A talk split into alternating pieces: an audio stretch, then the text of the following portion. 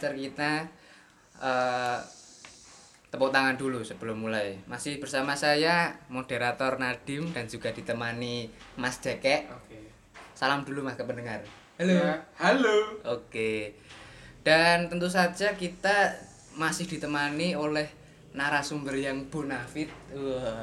Benefit ya apa ta? Bonafit ini maksudnya mumpuni. Mumpuni. Mumpuni. Memahami materi secara Ya. pasti. Punya kompetensi SPD. Oke. Sarjana pengen duduk. Yaitu Bapak Ferry Megananda. Oke. Ini Mas eh, Jekek punya pertanyaan ya? Monggo monggo. Eh, curhat curcol aja lah, Pak Ferry. Eh, saya ini dari TK itu di sekolah Islam.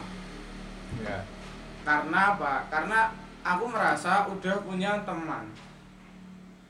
Aku lulus SD eh, TK ke SD itu kayaknya ya cuma dipilihin orang tua biar sejalur aja. Ya iya urung iso milih TK. Nah, iya. iya. TK kae kok nampik kae ora iso. Yo. Terus eh, SD ke SMP ini juga saya masih ikut teman. Karena apa? Di SD itu saya emang diajarkan untuk berpisah dengan wanita. Dalam arti eh, mulai kelas 4 SD itu kelasnya udah bisa. Jadi Ah. cowok sendiri, cewek sendiri. Oh, pas Ikhwan karo akhwat ya. Nah, satu satu dua tiga enggak? Enggak, 1 2 3 masih campur. Hmm. Nah, satu Soalnya kowe kelas papat terus ngacengan men. wajar men Nah, terus eh, ketika mau ke SMP itu saya masih mikir dulu sebenarnya saya juga mau didaftarin ke SMP Negeri 1 karena banyak teman-teman mama saya yang masukin anaknya ke situ kan?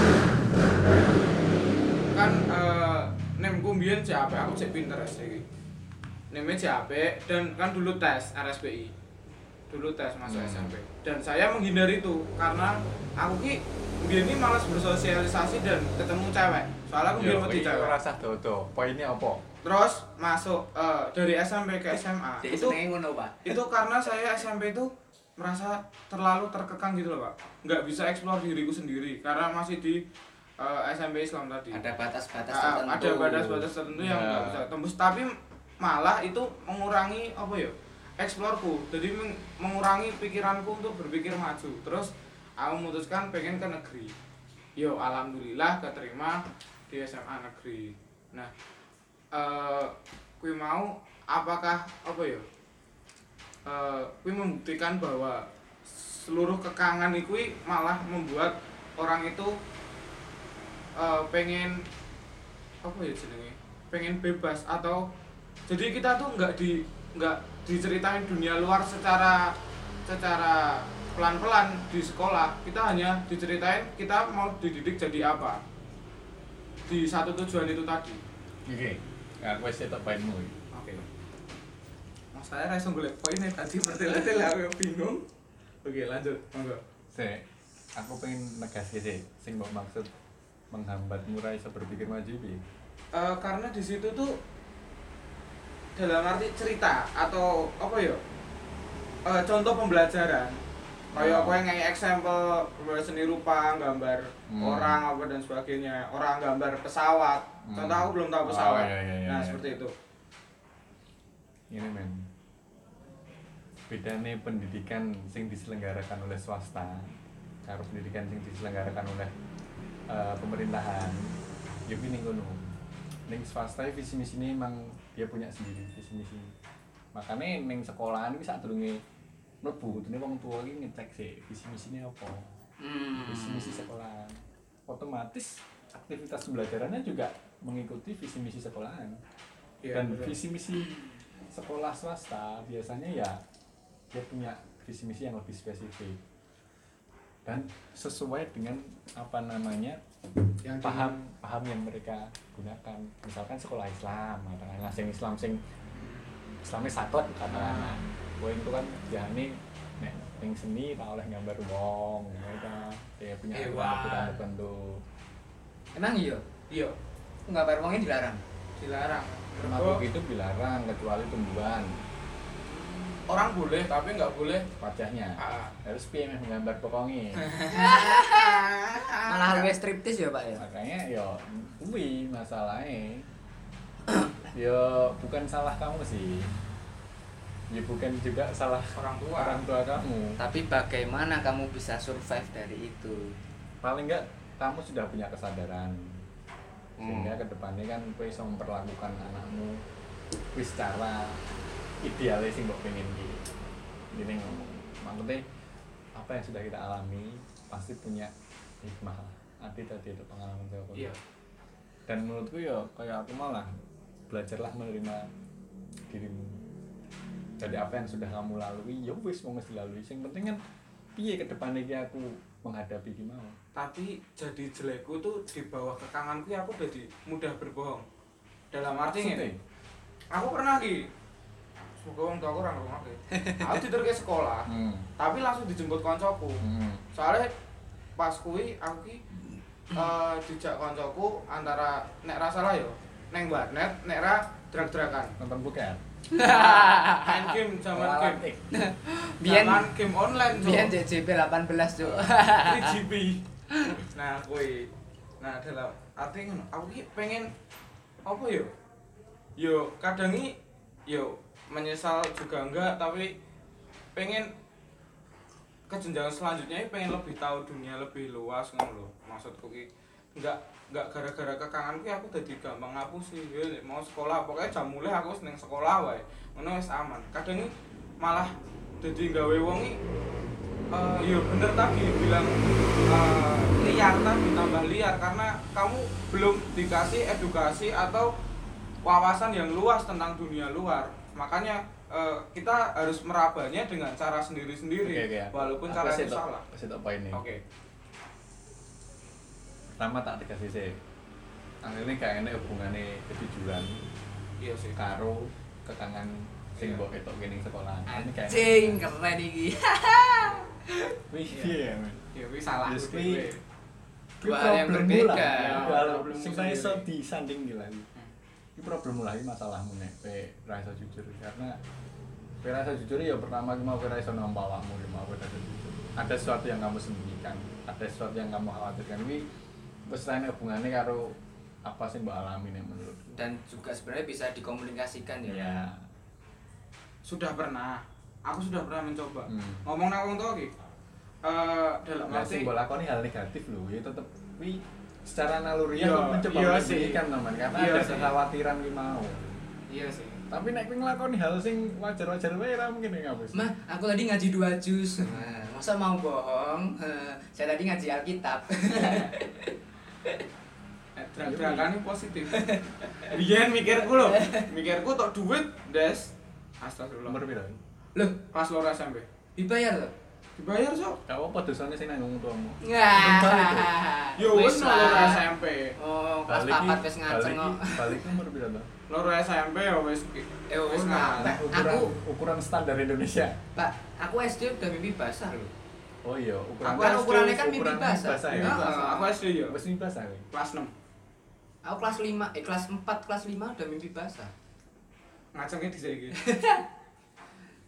Tapi nek menurutku ukuran kedewasaannya ora saka kuwi sih. Ya kuwi kan balik, Pak. Balik. Balik Jadi apa?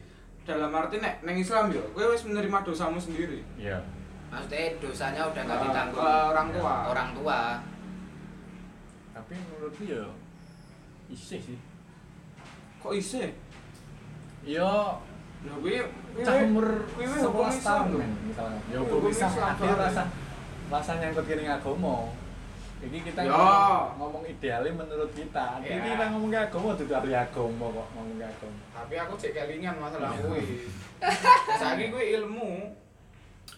Ya berarti aku rasa ngomong ke dosa bareng ya. Ya, rasa Ya, salah itu sih. itu sing ngomong ke dosa. Iya, enak pengaruh ini ngomong doang, kesalahan juga mereka. Mungkin cara mendidik kowe sih apa jenengnya kurang juga. Karena aku aku bisa iya rata kenal jabrakan umur sakmono men. Karena apa? Orang di motor nabrak belakang. Numpaknya cek ondel. Nah, Iya. ontele Pit pit jengki. ontele nek wong tua aku lagi randi dititel gitu. Iya. Makanya ya kuwi plus minusnya wong randi wae ngono kuwi. Terjauh dari hal-hal yang apa ya? Tidak wong drag-dragan ya orang motor kuwi guru dijak ngerti duwe skill numpak pitonel api dijak drag-dragan yo Itu enggak. ora ayo drag-dragan motor lah ya maksudnya Ya kuwi, Ya. wong tuamu ra iso mantau kuwi. yo mergo kan full day aku kira SMP full Ini day adi ngomong secara hukum ya, secara hukumi bocah dikatakan dewasa kan umur 18 loh. Ya. yo duwe KTP Ah, Ah. wis hak-hak wis terpenuhi sepenuhnya sebagai warga negara. Diakui lah Di bawah kuwi kan sih ning pantauan wong. Heeh. Ini ngantek ke ucul saka pantauan ya kan ya tetep secara hukum kan ya kowe ra iso kena hukum. iya Apa? betul Karena kan kowe sering pun di ya. bawah pantauan wong tuamu. iya Makanya kan enek sedikit apa jenenge saham wong tuamu iki melakukan kesalahan ning ngono. iya mergo emang gini Aku lagi sing meh gagas anake ning dalan ki apa pemerintah? Ya pemerintah kesel gagas cilik-cilik. Wong Wong di wong tuwa. bingung kok. Kecuali kan di wong tuwa kan mlebu ning ah, panti asuhan, virus negara. Oh, cik di wong tuwa men.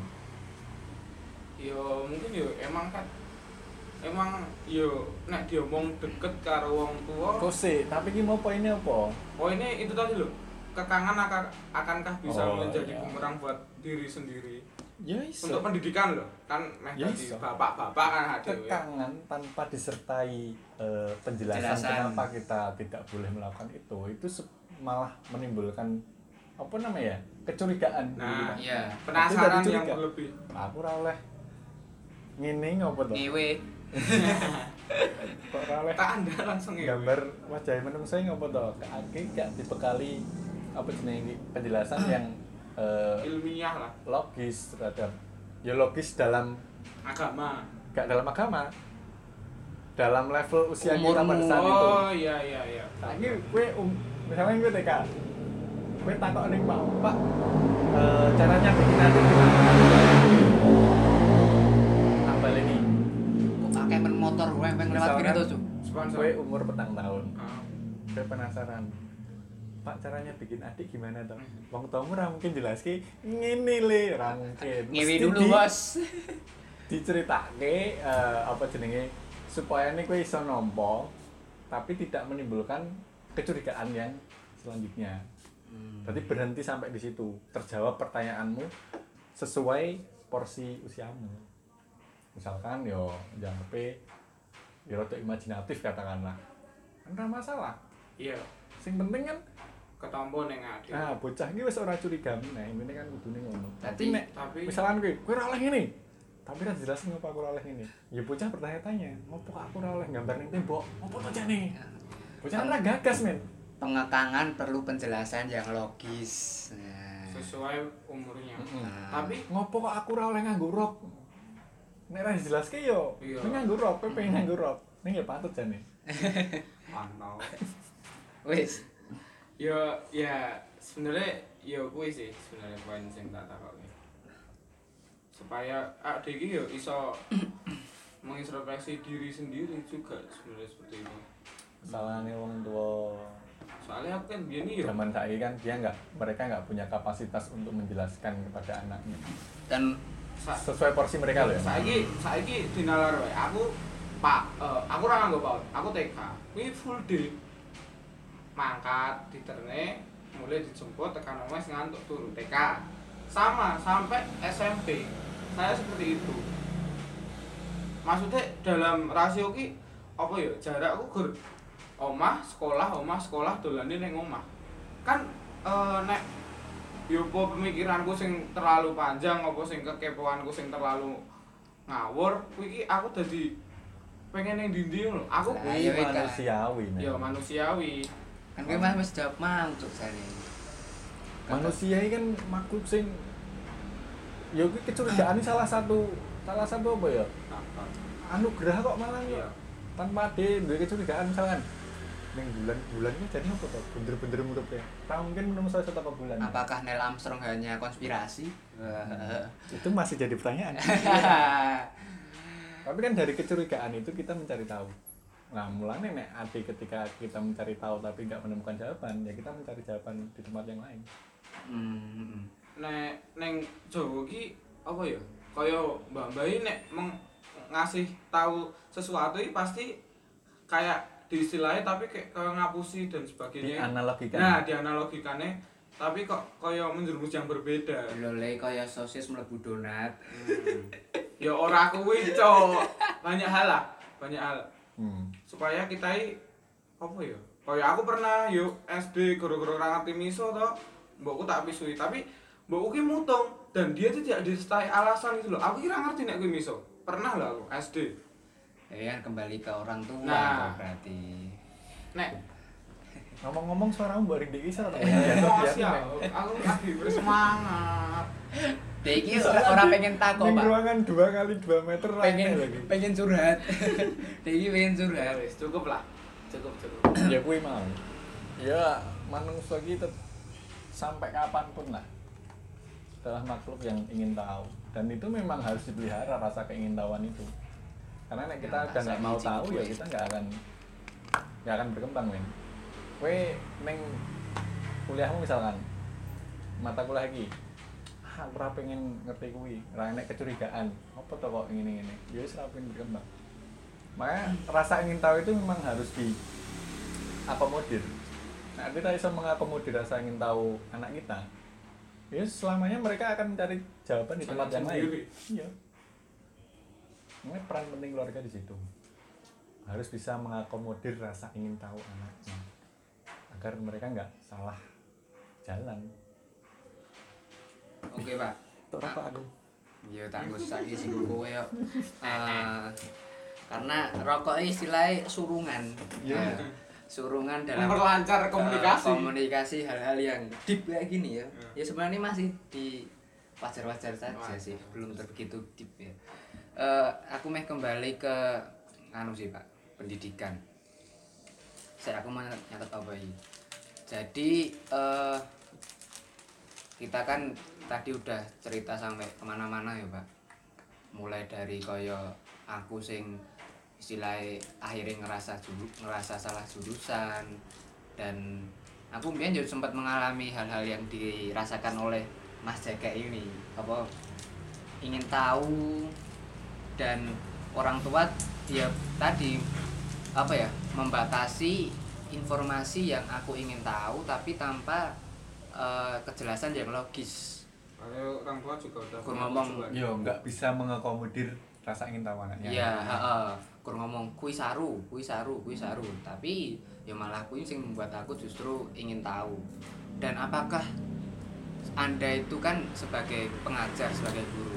Apa guru itu juga punya peran seperti itu atau apakah guru itu juga apa ya, berperan juga sebagai orang tua gitu loh. Sebenarnya peran guru itu sampai seluas itu atau tidak?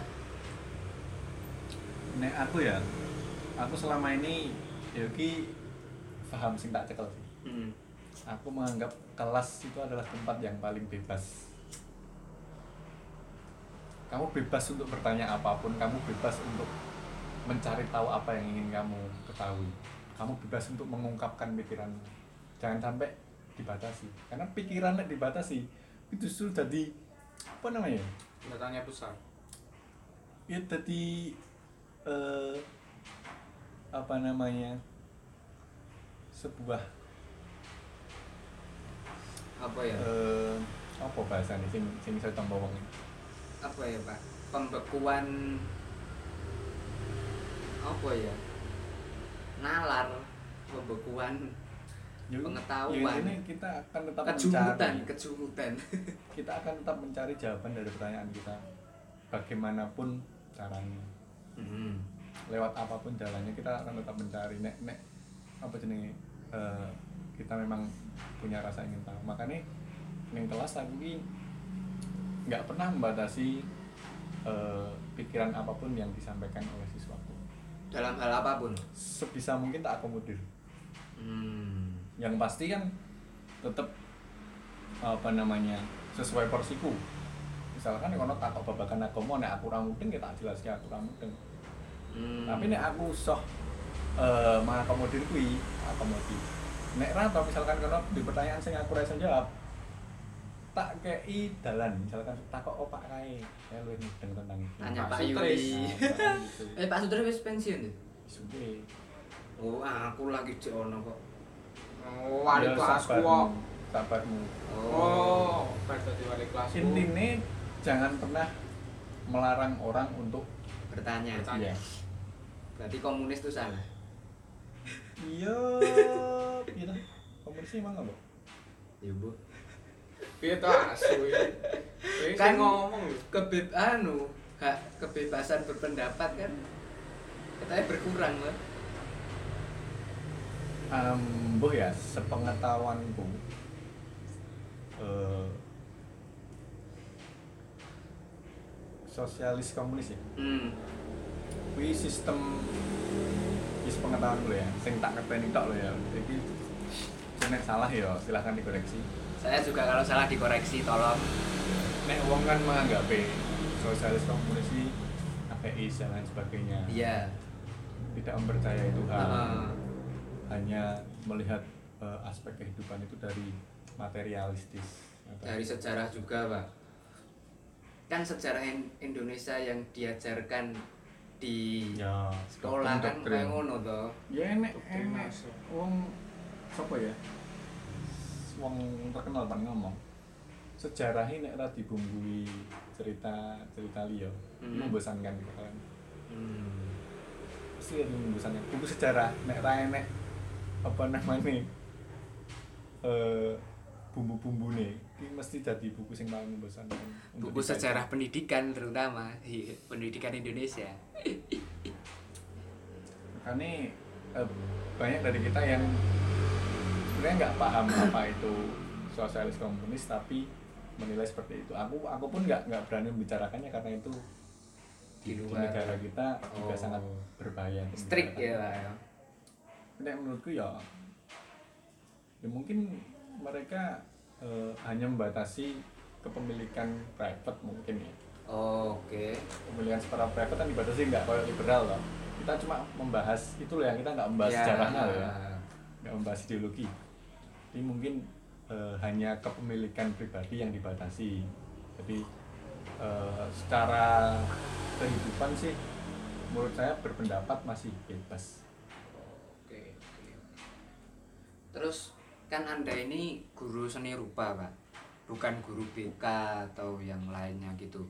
Terus bagaimana Anda itu mengimplementasikan nilai-nilai yang mungkin Anda pahami yang selama ini kita bicarakan tadi di dalam kelas gitu loh sebagai pengajar, sebagai guru atau mungkin lebih spesifiknya sebagai guru seni rupa.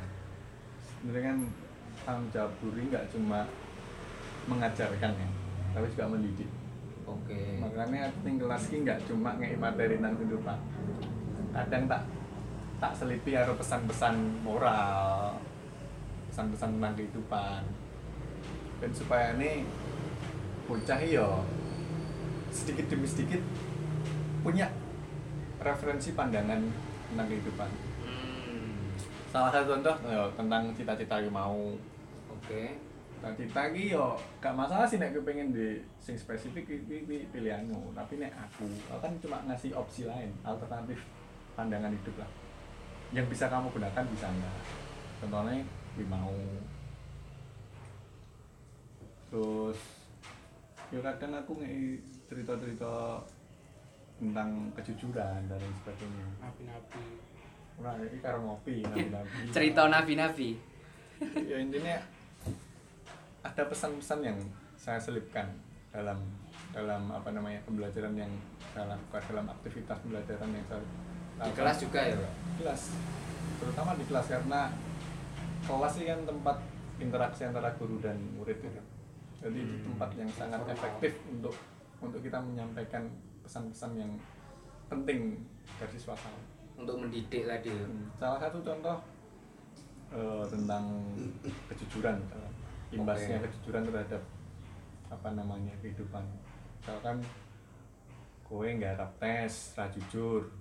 Akhirnya nilaimu apa apa apa terus kowe dadi ra kenal sapa awakmu. Hmm. mergo secara ketika kowe ngukur misalnya kowe ngukur berat badanmu tapi kowe ngantongi logam-logam berat badanmu dadi dhuwur.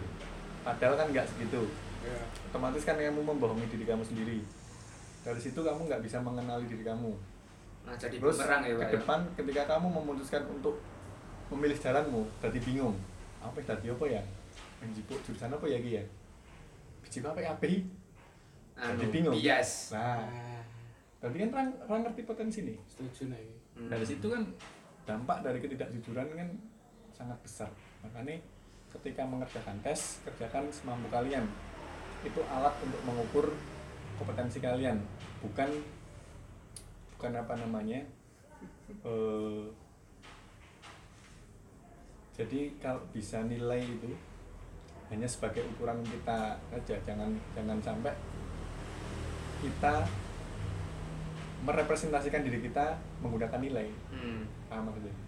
Oke oke tahu jadi ojo nggawe awakmu sempurna menurut nilai itu tapi eh, lihatlah dirimu berdasarkan nilai yang kamu dapat itu secara jujur itu tadi karena kamu bisa sedikit mengenal dirimu dari ukuran yang kamu dapatkan itu. Harusnya fungsi nilai itu kayak gitu ya? Iya mengukur awakmu tapi Hmm. nek kowe salah jujur ke awal ya ukurannya kacau kan benar benar. Lu wis pacot tapi pak kalau sebagai guru yang mungkin anda kan di sekolah negeri dan eh, aku melihat Pak Ferry kayak eh, apa ya ya dari cerita-cerita tadi kayak punya istilahnya idealisme sendiri dalam hal mengajar dan sebagainya. Lah itu apakah dari sekolah itu ada batasan-batasan tertentu yang mungkin Pak Ferry nggak bisa langgar dan Pak Ferry itu menyikapinya bagaimana? Mungkin apa ya Pak Ferry punya idealisme kayak gini kayak gini kayak gini dan ingin melakukan dalam mendidik siswa misalnya. Tapi itu dilarang sekolah atau ada batasan-batasan tertentu tuh ada nggak sih Pak? sebenarnya selagi itu baik dan dan kita punya dasar kenapa melakukan itu nggak masalah. Karena sebenarnya guru itu diberikan kebebasan di dalam kelas. Selagi tidak menyalahi aturan. Misalkan aku ngajar kok bertentangan dengan norma susila kan yo Oh. salah tetap tetap ada batasannya Cuma- batasan itu kan emang wajar karena kita nggak bisa melakukan sesuatu tanpa koridor yang jelas Oke. Tapi ada nggak sih misalnya kalau mungkin anu ya dari pengalaman Pak Ferry sendiri ya batasan-batasan yang sekiranya mengganggu dalam ideologi bukan dalam proses mengajarnya Pak Ferry gitu loh. Yang dari sekolah mungkin atau dari kebijakan. Ada nggak sih Pak? nek menurutku nggak ada sih selagi kita melakukan sesuatu yang nggak nggak menyalahi aturan nggak masalah. Intinya kan nek orang melakukan sesuatu yang negatif kan ya orang menyalahi aturan. Saya ini nek aku melakukan sesuatu misalkan ini pembelajaran di luar kelas kan tak apa-apa. Iya. ya wis aku memane pengen belajar di luar kelas ya di luar kelas nek emang aku pengen ngono bentuk siswa sing sesuai dengan uh, biar mereka bisa melihat sesuatu itu nggak cuma dari dalam kelas real misalnya gambar yang gambar apa sing enak nih digambar. Jadi kita jadi peka bahwasanya di sudut sekolahku ada sebuah keindahan yang bisa didokumentasikan misalnya. Selama ini kan kita abai misalkan Cewek. kita ngelewati taman ya sampai. Padahal neng taman wi mungkin enak sudut-sudut sing estetis atau kita ngelewati wit misalnya pohon Aduh kita ya lewati tak padahal kan nek ditonton apa jenis tekstur pohon itu kan digambar sampai kan yo kan Guyu melatih itu. kepekaan kita loh men Iya.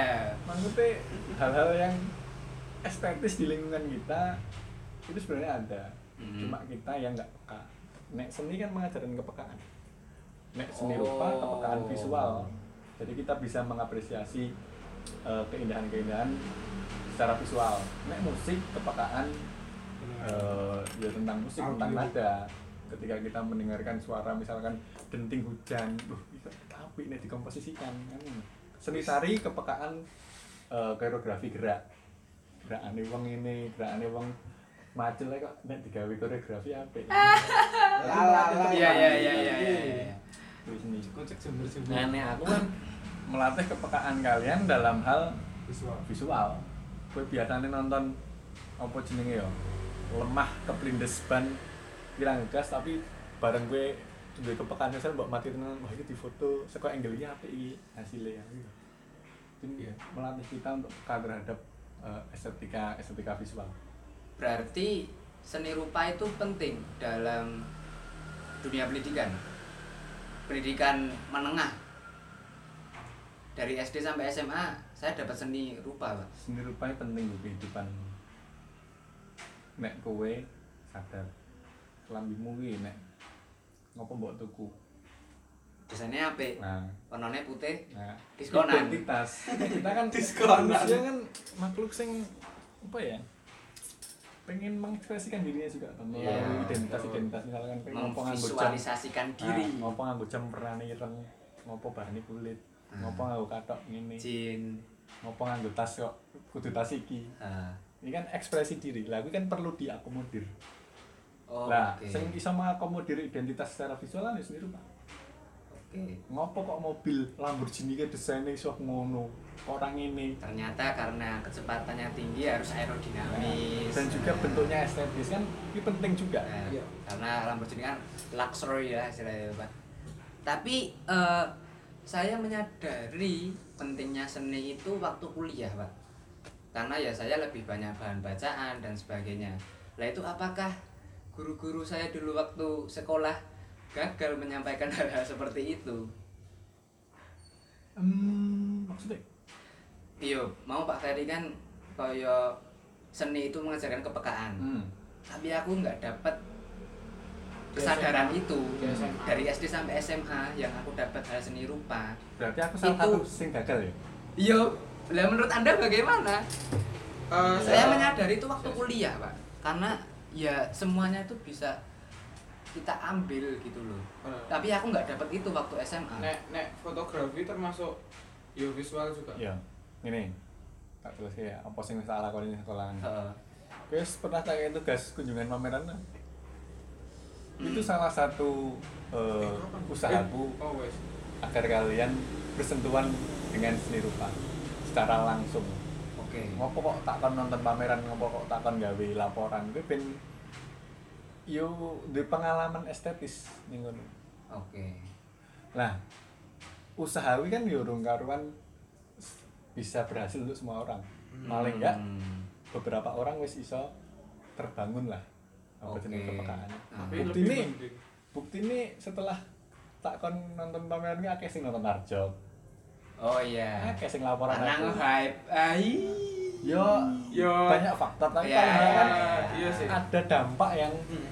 sing tak itu Lebih memaknai seni lah. Wong ahli ini kalian mungkin eh, secara nggak sadar kalian ahli ini wis butuh terhadap seni rupa. Ya, contohnya mau mengekspresikan dirimu mau. Style. Iya. Dan ini salah satu. Iya sih. Ya, walaupun ngupload ning Aku Instagram. menyadari waktu anu yo kuliah yo. Gak sih. Nah aku iya. Ya aku yo SMA lebih anu sih lebih. Ya emang tujuan pendidikannya ini ya, sing paling pokok. Kui menumbuhkan kesadaran. Menumbuhkan kesadaran. Ini minimal sadar apa kesadaran tumbuh wis goals. Ya menumbuhkan kesadaran nih intinya kue misalkan ya kue sadar misalkan oh apa jenenge? Ternyata menungso ini ini ini ini ini ternyata aku butuh ini ini ini jadi menumbuhkan kesadaran itu. Nek ning bahasa Indonesia emang menumbuhkan kesadaran tentang literasi tentang pentingnya bahasa. Bahasa penting loh men. Betul. Iya, peradaban itu saya tanpa setuju. bahasa. Enggak Ah. enak. Betul, setuju. Kewan iki cara iso di bahasa. Dia iso nyanyi menungso karena kita bisa bertukar informasi kita punya konsep yang bisa kita bagikan ke orang lain. Kan di konsep ini kan di pemikiran tentang ini. Tapi kira iso nyampe kene ngomong. Hmm. iya tanpa bahasa. Baik bahasa tulis bahasa rupa bahasa verbal itu penting. Betul. kowe duwe gambaran desain mobil ini iki tapi kira iso memvisualisasikannya. Piye? Kira enek bentuke makanya pentingnya bahasa itu di situ. Ya. tapi kita nggak sejak kecil nggak ditanamkan pentingnya itu. Atau kesadaran kita Eh, iya. belum bisa maksimal. Hmm. Apa sampai senine? Hot kok. bayang ora ono bahasa piye soalnya aku peradaban ra enek men. Aku melihat podcast yo renek aku aku melihat eh, rata-rata ya pak dari pengalamanku SMA sendiri seni rupa ya wis misale Pak Ferry ngekon teko pameran Hmm. kon gawe pameran yang Nah. aula. kuwi hanya untuk apa ya istilahnya? Ya untuk nilai pak. Dan aku Nah, merasakan musik dan aku merasakan kesadaran SMA waktu dulu dan juga teman-temanku rasakan itu ya masih hanya sebatas itu gitu loh kuwi dilematisnya sistem pendidikan Nah. Indonesia. Nah. Dan juga paradigma masyarakat terhadap seni rupa. Nggak sendiri rupa sih nilai. Oh. Secara Itu- keseluruhan. oh, iya, itu iya. kan kita dikejar untuk mendapatkan Nah. nilai yang bagus betul. tanpa kita Kayak- peduli apa jenis potensi kita sebenarnya. Nah Hmm. itu. Nah iki. Kayak soal sing diomongke dari komputer lah ning ning YouTube wong misalkan anakku matematika gak pinter tapi seni rupane pinter sing tak leske ngomongin apa sing tak leske yo mat eh Seni seni rupa. rupane karena dia punya potensi di situ yang Nah. bisa dikembangkan tapi kita naif kita menutup mata kita ingin apa namanya eh, meningkatkan sesuatu yang mungkin di, di masa depan kita nggak butuh itu padahal kita punya potensi besar di yang rupa bisa kita kembangkan Nah. Nah betul. Makanya paradigma masyarakat ini kan masih secara umum menurut mikirnya kabeh-kabeh eh, nilai iya, tetap kudu apa kabeh Makanya Padahal tadi- enggak main kabeh wong ini punya kelebihan masing-masing. Akhirnya menimbulkan bias tadi ya. makanya ngapa aku mau ngomong? Itu belajar menerima dirimu sendiri. Hmm. Nek kira bisa menerima dirimu sendiri, ya kan mengejar sesuatu yang bukan dirimu. nah iki sebenarnya iki. Malah Kunci, apa ya kuncinya aslinya dari pertanyaanku tadi jadi iki. Tuntutan. yang pertama tuntutan seorang tua. Ya. Ya, yang akibat kedua masyarakat. Kadang kan dan terus ranking kuwi mau. Sing marake nah, mungkin dia aku SMP yo. Diomong pinter mergo rankingnya rada dhuwur kan yo gara-gara prospeknya guru ngejar nilai tok. Apa-apa itu berdasarkan nilai. Dan kemudian yang SMA pun menghalalkan cara aku mau lho. Sing bakal menutupi potensi kita sendiri sebenarnya. Salah tujuan nih.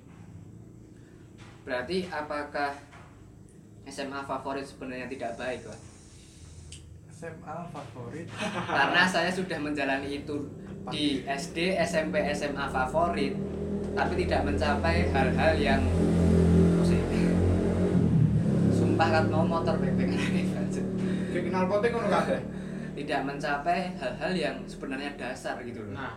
Kuwi dan baru saya dapat setelah saya mengenali diri di waktu kuliah waktu jauh dari orang tua banyak waktu sendiri gitu pak. Apakah SMA favorit sebenarnya tidak baik? Enek eh, plus minus saya tetap tak jabarke karo perbandingan sing mbok anggap favorit karo sing enggak. Ya. oh, Sama sing mbok anggap favorit ki mau mesti isine oh siswa-siswa sing wis terseleksi dalam arti secara akademik Iya. Iya. betul akademik. Otomatis eh, atmosfer pendidikannya akan berbeda dengan SMA yang kita kategorikan dia nggak nggak favorit. Oke. Karena seleksinya kan dia lebih grade-nya di bawah. Ya bisa bisa bisa kita katakan seperti itu. Dari dua atmosfer yang berbeda itu tentunya eh, perlakuan eh, instansi pendidikannya juga beda nggak mungkin diperlakukan sama. Betul Nah, nek aku ngomong SMA favorit nggak baik dalam penyelenggaraan pendidikan ya enggak tetap baik cuma apa namanya kembali lagi ke faktor-faktor yang mempengaruhi tadi. Misalkan ke kebijakan kampus yang SNMPTN gue mau dia Hmm. juga pengaruh nih berjalannya proses pendidikan dengan cara penilaiannya juga pengaruh kan di sekolah favorit karena bebannya suatu pikiran berat yang nggak nggak mungkin eh, apa namanya eh, ngasih nilai yang katakanlah pure. Pasti juga melihat latar belakang siswanya juga. Oke. Jadi nek menurutku ya sebenarnya kui hal sing kompleks sih masalah kompleks dalam dunia pendidikan kita. Buah si malakama. Aku nggak bisa mengatakan buruk nggak karena yo nek menurutku secara proses pembelajaran ya wis ya wis maksimal sih menurutku. hmm. cuma peran keluarga terus kebijakan pemerintah itu juga mempengaruhi kultur kita juga mempengaruhi nah arti ngomong ke perbandingan karo negara liya sing luwih maju jelas beda ketemu masalahnya. Hmm. dari akar masalahnya mungkin dari kultur kita dari pengaruh keluarga pengaruh kebijakan itu sangat berpengaruh terhadap proses yang berlangsung dalam kehidupan kita di dunia pendidikan. Jadi aku rasa ngomong elek apa apa karena kabeh apa jenis iki? Berkesinambungan namanya Hmm, emang kompleks tadi ya kompleks banget masalahnya di iki berarti masalah pendidikan di Indonesia ini kompleks ya Pak? kompleks. Sekelas Nadime mungkin mau iso ibaratnya nek ngamplas ya. Ah. hilang nganti halus kok Eh, dan dia cuma dikasih waktu lima tahun. Ya. Eh, dengan SDM dan infrastruktur pendidikan yang belum maksimal. Oke. Hmm. berarti tugasnya Nadiem memang harus apa ya kembali ke dasar-dasar dulu ya Pak. Ya kaya mau literasi logika. Ya memang Hmm. dasar. Nek nek ning dunia pendidikan ini ra iso langsung. Berarti Indonesia wis luput dasarnya sih. Tapi terlalu mengambang mengawang-awang tinggi ya. ini harus kebijakan yang berkelanjutan amin. Ora iso Hmm. kebijakan saiki terus berefek langsung ra iso. Kudu saiki iki pandangan iki 10 tahun 20 tahun ke depan hmm. Jadi sing tahun misalnya lima tahun lagi, Nadim iku kudu gawe pondasi sih. Ora langsung Oh. gawe bangunan nih men. Nah ini kowe langsung gawe bangunan nih, Ono pondasimu pondasi nih pondasimu sih apa senenge kayu. ya Ya, tahun ambro ya bro, orang ngantek dadi bangunan ya bro. iya Makanya harus dari pondasi ini kuat. Pondasi kuat, wis karek gawe cakak-cakake ya toh, karek yang bangun ngantek dadi omah sing iso tinggoni. iya. Berarti emang kompleks sekali ya masalah Jadi pendidikan di Indonesia. memang pandangan kita untuk nek pengen dari negara sing maju pandangan kita enggak lima tahun ke depan 20 tahun ke depan sing dipersiapke. Apa to sing perlu disiapke saiki ben limang tahun kasih bisa dilaksanakan. Berarti harus punya step-step step. Saiki udah rampung sih lagi bisa melakukan step selanjutnya. Step selanjutnya tinggal batu loncatan step selanjutnya. Nggak iso kita langsung meloncat ke depan nggak bisa. Hmm. Harus step by step. kayak pendidikan kan kudu SD SMP makanya aku kebijakan-kebijakan yang dilakukan pemerintah gitu gak bisa ngomentari karena apa ya akarnya pun belum diselesaikan akar permasalahannya. Kultur yang pertama. Nek kowe bisa bangun kultur sing apa namanya mendukung dalam dunia pendidikan yo angel men. Berjalan di tempat. Soalnya kan wong-wong iki pengen itu instan dan mau apa ya ora iso. Tak sugih. Kabeh pondasine kudu kuat sih terus eh, tadi kan kita juga berbicara masalah keluarga dan kelu- peran keluarga kan kelihatannya tadi Paling ya, besar. emang paling besar dan paling penting dalam pendidikan Membentuk juga ya, karakter kita. karakter nah terus nanti kalau misalnya Pak Ferry berkeluarga menjadi seorang bapak ya menjadi seorang bapak Ayah. Nah itu pendidikan seperti apa yang ingin diterapkan Pak Ferry sebagai bapak sebagai orang tua kepada anaknya? pertama. Eh, siap. siap. Tanda-tanda merapi, Oh, tanda-tanda merapi. masih telepon mau? Pertama aku tidak akan membatasi rasa ingin tahu anakku. Dalam arti ini eh, Gas, aku akan menjelaskan sesuai porsi mereka. Hmm. jadi ojo ngantek aku ngomong kue ojo ngelakoni iki? Tanpa aku memberikan alasan kenapa nggak boleh ini ngono Karena kui anu ya Pak, nek aku mikir-mikir kayak hal yang bertolak belakang lho. Maksudnya cah cilik kuwi rasa ingin tahunya paling gede iya dan malah membatasi kuwi kan ya padha wae mateni Iya. bocah itu dan mereka akan mencari jawaban di tempat yang lain yes Ini terus pak sekarang banyak gadget. hmm. Itu Pak sangat menurutku paling bahaya. kedua aku akan sebisa mungkin mengenali karakter potensi anakmu. Hmm. apa anakku sing disenengi iki sing dia mampu dia maksimal bisa melakukan sesuatu ya apa ting bidang apa tuh tak dukung. Hmm. selagi itu hal-hal positif tak arahke. Nek kowe ora kenal anakmu kowe meh ngarahke piye men? Gitu. Anakmu iyalah pinter gambar. Tapi orang mbok fasilitasi sidane malah ngura-ura tembok ngura-ura apa-apa terus mbok seneni terus akhirnya malah dia gak bisa berkembang kan Terhambat. terhambat kudune nek kowe kenal anakmu oh anakku iki ngene bisa fasilitasi ben bisa berkembang Kowe kanvas. Hmm. memang tanggung jawab wong tua dulu tanggung jawab wong tua bisa kenal bisa ngarahke anaknya sesuai dengan kemampuan anaknya Hmm. Eh, iya. Hmm. Terus aku mau meh takon apa ya? Lali tuh dan rasa ingin tahu itu memang harus diakomodir nggak bisa dibatasi. Hmm. Oh, contoh naik motor karo mobilnya itu mengakomodir bukan berarti kita menjawab secara lugas loh ya Ya. enggak loh ya. Tapi kita Porsi. eh, sesuai porsinya. Tahu tahu kapasitas. Ya wis seni seni. Mendidik. Mendidik anak ini mulane ngopo kok enek undang-undang Oh, ketahanan keluarga? seni. Oh ya kuwi ahline dadi ben bicarane wong berkeluarga ya ora ngawur. Sampai naik dewe Nah. karo ngopo? Ini enek pendidikan pranikah? Jadi ya enek positifnya juga. Ya aku malah eh, setuju sih tapi tergantung bagaimana pelaksanaannya sih juga Ya. pak. Karena aku melihat ada yang yo pelaksanaannya tidak sesuai target undang-undangan yang ngono. Hari ini kabeh sesuatu uang gelem melakoni ketika mereka merasa butuh. Nah Hmm. mereka nggak merasa butuh ya nggak nggak bakalan. Iya betul. Misalkan kue ini lagi musim corona ya? Hmm.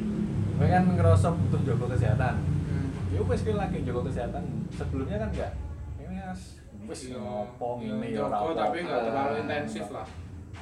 Kue butuh meningkatkan imun tubuhmu. Kue lagi konsumsi makanan sing bergizi sing bervitamin cuci tangan sih. Sebelumnya kan enggak Eh, Aturnya manfaat celele wis. sebenarnya sebaik-baiknya pendidikan itu ketika kita bisa menumbuhkan eh, rasa kebutuhan kita terhadap sesuatu yang kita pelajari. Itu. Cuma sing bicaranya di nek ning nek ning pendidikan ya bicaranya menumbuhkan minat siswa terhadap materi gitu. Nah, Jadi nggak materi yang menyenangkan. Orang mau kayak materi, yo pelajari.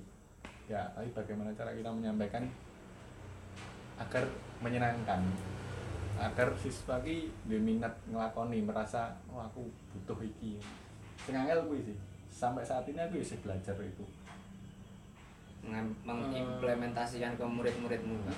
bicaranya mereka sing merasa butuh berarti nek butuh apa jenenge misalnya kowe cilik ya kowe ra seneng sayuran Nah, tapi kowe ya oke butuh ora disadarkan bahwa kita itu butuh sayuran. Ya adik gak mangan sayuran, mangannya ya panganan-panganan snack-snack ngono gitu terus. Karena kita nggak nggak punya kesadaran tentang kebutuhan kita. Mulane ngopo kok enek Terus empat sehat lima sempurna ini mau. Hmm. Agar kita apa ya tahu kebutuhan kita itu itu kayak pelajaran kan ya ngopo kok pelajaran kok macam-macam kayak sakmono.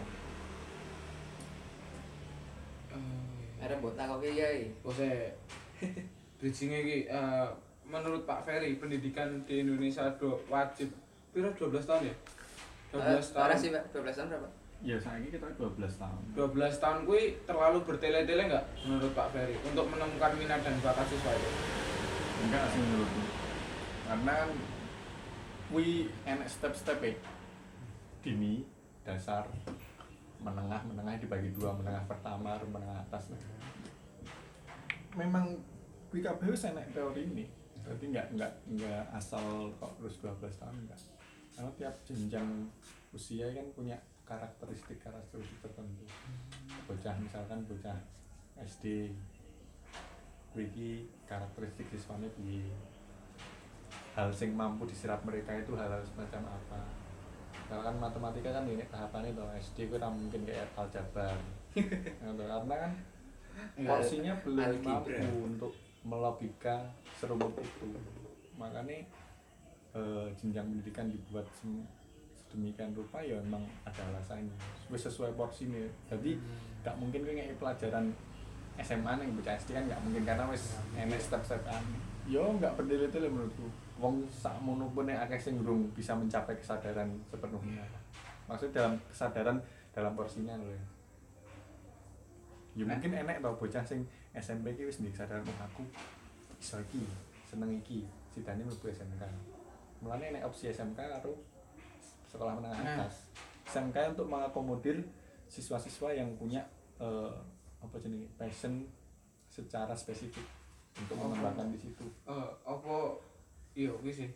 Sebenarnya nek untuk pendidikan di Indonesia ya kuwi ideal SMA apa SMK Pak? Ya balik nih mau lho. Tergantung kebutuhan. Nek kowe wis merasa confident karo apa jenenge iki passionmu karo apa sing pengen mbok lakoni ya wis mlebu SMK nek urung confident ya wis lanjut ke nang SMA sambil kamu mengenal diri kamu mulane Berarti- kowe mau balik neh kowe kudu jujur. Nek ora jujur kowe ora bakal kenal awakmu. Kowe nggarap tes japlak abeh. Ya wis ora kenal awakmu. Percuma no tes sih nggo ngukur awakmu kowe ngapusi awakmu dhewe. Ukurannya mbok rekayasa. Berarti ngono. Kembian pas sekolah jablak ra. alhamdulillah ujian nasional enggak pernah japlak Yo ujian nasional. Aku ora ndaplak tuh. Kanan kiriku biologi. Padahal? Eh, Ora, sumpah aku UN ora tiru. Ora ora. Aku ini kanan kiriku biologi, ngarep iki pas to kimia. gitu tuh nggak aku dia enggak Nanti- meskipun aku punya peluang untuk bertanya aku nggak bertanya bedanya kan kira enak peluang Eh nek nek ini nek aku untuk UAS UTS gak pernah nirun. Soalnya kelasku ora memfasilitasi nirun. Tapi nek ujian apa terjadwal kan UTS terjadwal ya kuwi genah pinter-pintere menungso. ya nek japlak wis tau Hmm. Wajar. Wajar ya? Lah. hmm jadi ya kuwi sesuatu yang salah karena kan ya jujur wae ya kesadaran kuwi kan timbulnya perlahan tergantung apa jenis lingkungan kita juga ya wong tua wis ngajari aku jujur tapi di satu titik langsung. di satu titik memang eh, kecenderungan untuk melakukan sesuatu sing ra bener ya enak tetep. Hmm. Iya. Iya. Bagus. Ini aku yang aku salah pada saat Iya. itu. Ya sama. Aku saiki ya ngera- ngerasa rada salah. Soalnya kadang ini kan kita butuh nilai nih. Hmm. Ya dewe ada jalan pintas. Ketika wis A dewe menemukan jalan pintas yang penak iki, ya dilakoni terus. Kadang kan seperti itu, Hmm. walaupun itu hal yang salah. Nek gini, Pak, kan Ya jane karo nganu men. Aku ora nyalahke banget sih bocah sing nyapa karena eh, sistem pendidikan kita menuntut kita untuk mencapai nilai tertentu. Wah, seorang guru mengatakan hal seperti ini perlu di quote. Quote guys. Cuma- gitu. Cuma eh, memang sistem pendidikan kita harus bisa merubah paradigma tentang nilai itu harusnya. Nah, kan seperti saja. Jadi nilai momok nggo, maaf sih. Murid-murid Ya, kudu komplek kok. pokoknya pinter sing paling pinter kuwi sing ranking siji. tapi sebisa mungkin aku berusaha ben bocah yo senjata tujuannya apa bukan bukan berarti aku ora pengen mereka iki nilai nilainya apa tapi ben kowe iki kenal awakmu ngono mantap ya. Setuju. Guru yang baik perlu Iya. dicontoh ya. Ferry Megananda Hmm. Tanpa katrol-katrolan. Mesti kowe ya ngatral. aku wis tau nggak biji apa enak itu di Wis tau diceritain. Apa? ditegur Karo wali kelas, Cuk. Halo, coba. hmm, hmm, tidak itu Pas angkatannya dhewe. Berak, ngisore. ya kuwi wis iso tak handle lah tapi lah Tapi tetap mbok rubah terusan nilainya. ya tak kei Penjelasan. orang ini Oh. piye carane bocah ki layak untuk nilai kuwi KKM. iya tak kayak piye carane bocah iki tok layak itu nilai sing tak kayak nih piye carane tak kayak tugas tak kayak beban tambahan Oh. ora tak kayak cuma-cuma sip tapi yo termasuk guru sing gateli nek ngene iki nek ngerti nek guru nek ngene iki oke ini pertanyaan terakhir pamungkas Ora pamungkas. Ya ora. Wedi Iya. aku ya, Pi. Ah, iki bumbu ketemu ya, ya masih mau ada ketemu satu kita ya. nah gini eh, kan ban nek aku ngomong ya banyak ya yang tadi loh karena kesalahan pendidikan mungkin. Yo nggak nyalahke juga mungkin kekeliruan tentang eh, menghadapi nilai tadi kan orang berlomba-lomba untuk nilai bagus. Terus jadi dia tuh nggak bisa mengenali dirinya sendiri dan menuju jenjang kuliah itu berdasarkan nafsunya. Atau dalam arti eh, cita-cita terbaik contoh dokter terus insinyur dan sebagainya. Itu kan kayak menjadi jur apa ya cita-cita favorit lah semua orang. Nah itu ketika kuliah itu mereka baru sadar bahwa passionku tuh kayaknya nggak di sini. Passionku tuh di tempat yang lain. Tapi kamu udah terlanjur kayak dua eh empat semester ini. Nah menurut Pak Ferry eh, kalau salah jurusan itu sebaiknya bagaimana? Anggapan dari Pak Ferry sendiri. Sing marak nih kowe nganggep salah jurusan nih ning opo nih? eh, orang-orang tuh kayak bisa baru explore dirinya sendiri secara bebas ya. Hmm. ketika kuliah.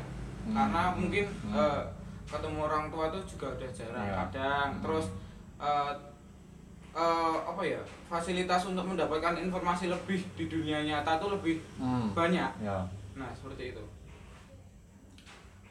Nek aku ya, ini pendapatku ya. Ya.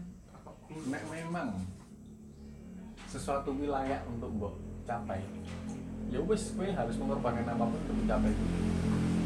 Nek emang layak misalkan kowe adalah oh ternyata aku passionku ning hukum. Ya wis metu kuliah kan di hukum. Nek emang wilayah kowe. Tapi nek memang apa jenenge kowe wis di kesempatan atau mungkin sesuatu itu memang tidak layak untuk mbok perjuangkan itu wis asa karena piye men urip piye pilihan men kowe gak wani kok keputusan iki apa ora Iki layak mbok perjuangkan apa ora Nek emang gak layak menurutmu ya wis kowe kudu maksimal mencapai eh, apa jenenge sesuatu yang wis wis pilih ngono mbok maksimal gini ngono artian arti tetap bisa bermanfaat di bidang kita yang kita geluti saat ini apa pun itu Solusi. Solusi. Terima kasih. Oke, teman-teman eh, sudah selesai part 2 pembicaraan dengan narasumber yang sangat bonafit yaitu Pak Ferdi. Dan kita ini belum tahu nih mau lanjut ke part 3 atau bagaimana. Eh, sekian terima kasih